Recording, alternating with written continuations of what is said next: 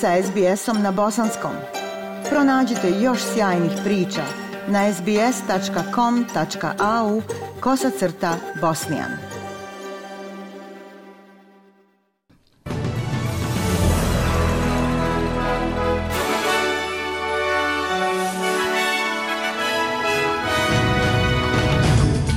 U današnjim vijestima poslušajte. Opozicioni lider Peter Dutton kaže da će održati drugi referendum ako glas izostane. Nove izmjene industrijskog zakona bit će predstavljene Saveznom parlamentu. I u sportu Španski sportski sud pokrenuo postupak protiv nogometnog čelnika Luisa Rubialesa za ozbiljno nedolično ponašanje. Opozicioni lider Peter Dutton kaže da će održati drugi referendum isključivo kako bi ugradio priznanje prvih naroda u Ustav u slučaju da glas ne prođe. Gospodin Dutton je potvrdio da će Australci ponovo krenuti u glasačke kabine pod njegovim vođstvom ako glasanje za glas pri parlamentu autohtonog naroda ne uspije. Ovo dolazi nakon što je John Farnham dao dozvolu da se njegova poznata pjesma You are the Voice koristi u filmu kampanje Yes za referendum. Gospodin Daton je za Sky News rekao da odobravanjem kampanje Yes neće umanjiti činjenicu da ljudi ne razumiju šta to znači. Mislim da je u određenom smislu to odgovarajuća tematska pjesma za kampanju Yes, jer zapamtite da je ključna rečenica u stihovima. Vi ste glas koji pokušavate to razumjeti. Iskreno mislim da većina Australaca to ne razumije, a oni žele da budu informisani.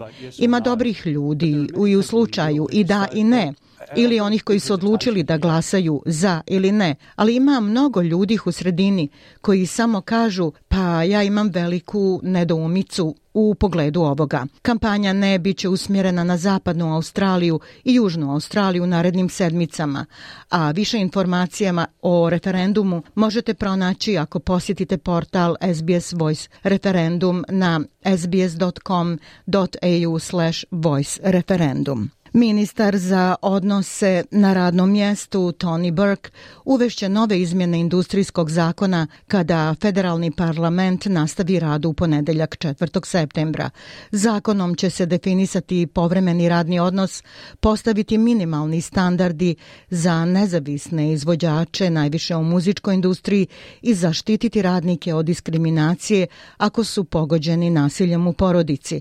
Također će predložiti kriminaliziranje ubistva iz nehata u skladu sa zakonima Commonwealtha o zdravlju i sigurnosti na radu nakon što je 91 radnik do sada ove godine smrtno povrijeđen na svom radnom mjestu.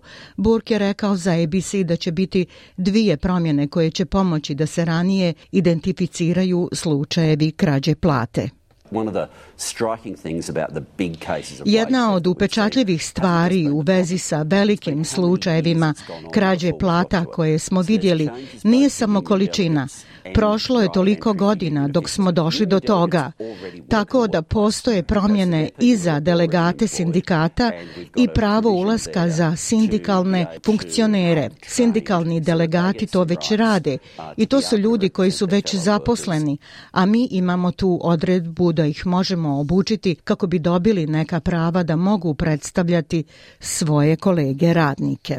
Senator Zelenih i port parol odbrane David Shawbridge kaže da se nada da će uspjeti saznati gdje je ministar odbrane Richard Maus iznajmio letove bazduhoplovstva koji su koštali 3 miliona dolara. Dokumenti do kojih je došao senator Shawbridge otkrivaju optužbe koje je kancelarija iznijela od aprila prošle godine izlažući skupe letove posebne namjene zračnih snaga gospodina Malsa i gostiju poput drugih poslanika ili višeg osoblja odbrane. Gospodin Miles kaže da nema ništa loše u računu za letove njegove kancelarije od 3 miliona dolara, ali da ne može otkriti razlog potrošnje iz sigurnosnih razloga.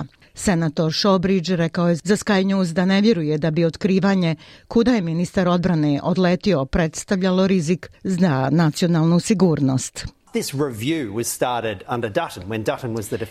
Ova revizija je započeta pod Duttonom kada je Dutton bio ministar odbrane, a završena je pod Malsom i njegov ured je imao direktan doprinos u pregledu i pogledajte da li neko ozbiljno misli da nam kaže gdje je ministar odbrane otišao prije 12 mjeseci, a to je sigurnosni rizik. Mislite da bi trebali dobiti boljeg konsultanta za sigurnost. Ono što je zapanjujuće u vezi s tim je koliko je šira javnost bijesna zbog toga.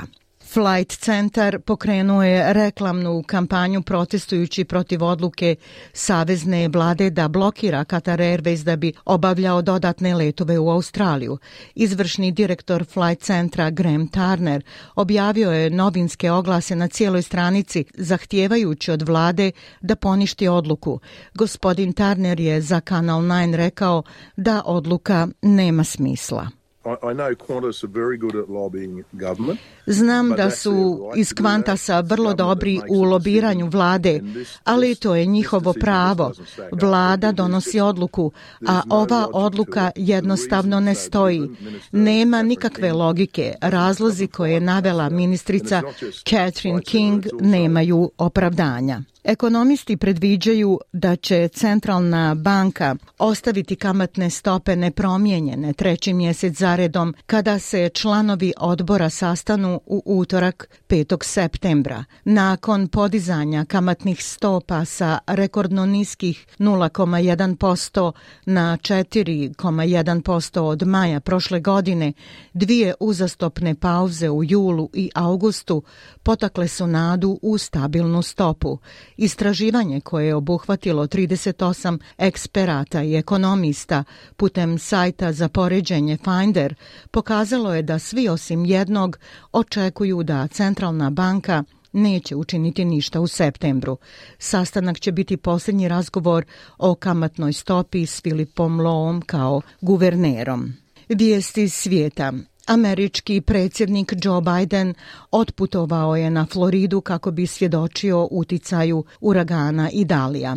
Posebno je bio odsutan guverner Ron DeSantis, republikanski predsjednički kandidat koji je odbio da se pridruži Bidenu nakon što je sugerisao da bi prisustvo demokrata moglo ometati napore u odgovoru na katastrofe.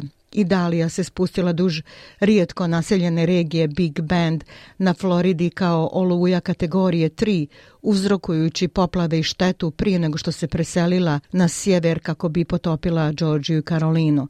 Gospodin Biden kaže da niko ne može poreći uticaj klimatske krize.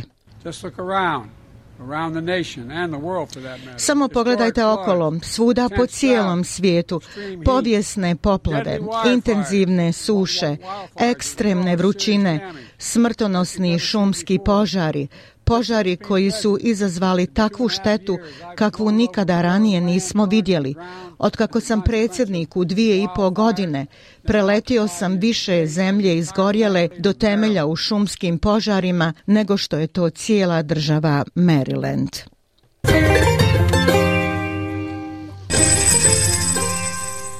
Prema kursnoj listi australski dolar danas vrijedi 0,64 američkog dolara, 0,60 eura, 0,51 britanske funte te 1,17 bosanske konvertibilne marke.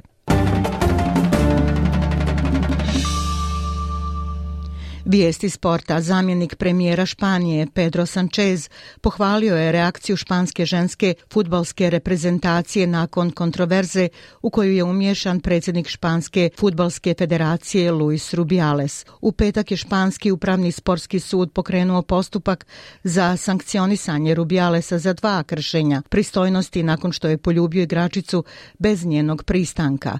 Gospodin Sanchez je pohvalio feministkinje ljude koji su se borili za ravnopravnost u Španiji. Hace mucho tiempo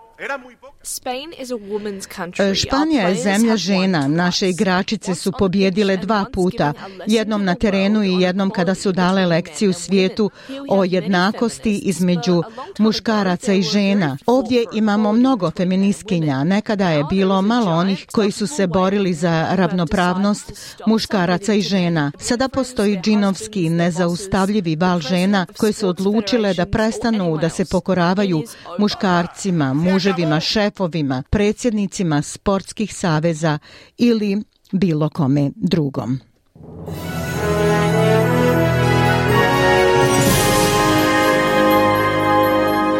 I za kraj vijesti poslušajte temperaturne vrijednosti za veće gradove u Australiji. U Pertu 17, Adelaidu sunčano, 25 u Melbourneu također sunčano, 20 u Kamberi, 18 u Sidneju 19, u Brisbaneu 25 i u Darwinu je sunčano 32 stepena. Slušali ste vijesti SBS-a na bosanskom jeziku. Ja sam Aisha Hadži Ahmetović. Ostanite i dalje s nama.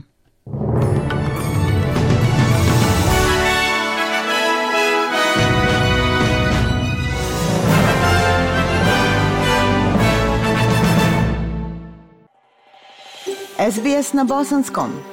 Podijelite naše priče preko Facebooka. Želite poslušati još ovakvih priča? Slušajte preko Apple podcasta, Google podcasta, Spotify ili kako god da primate svoje podcastove.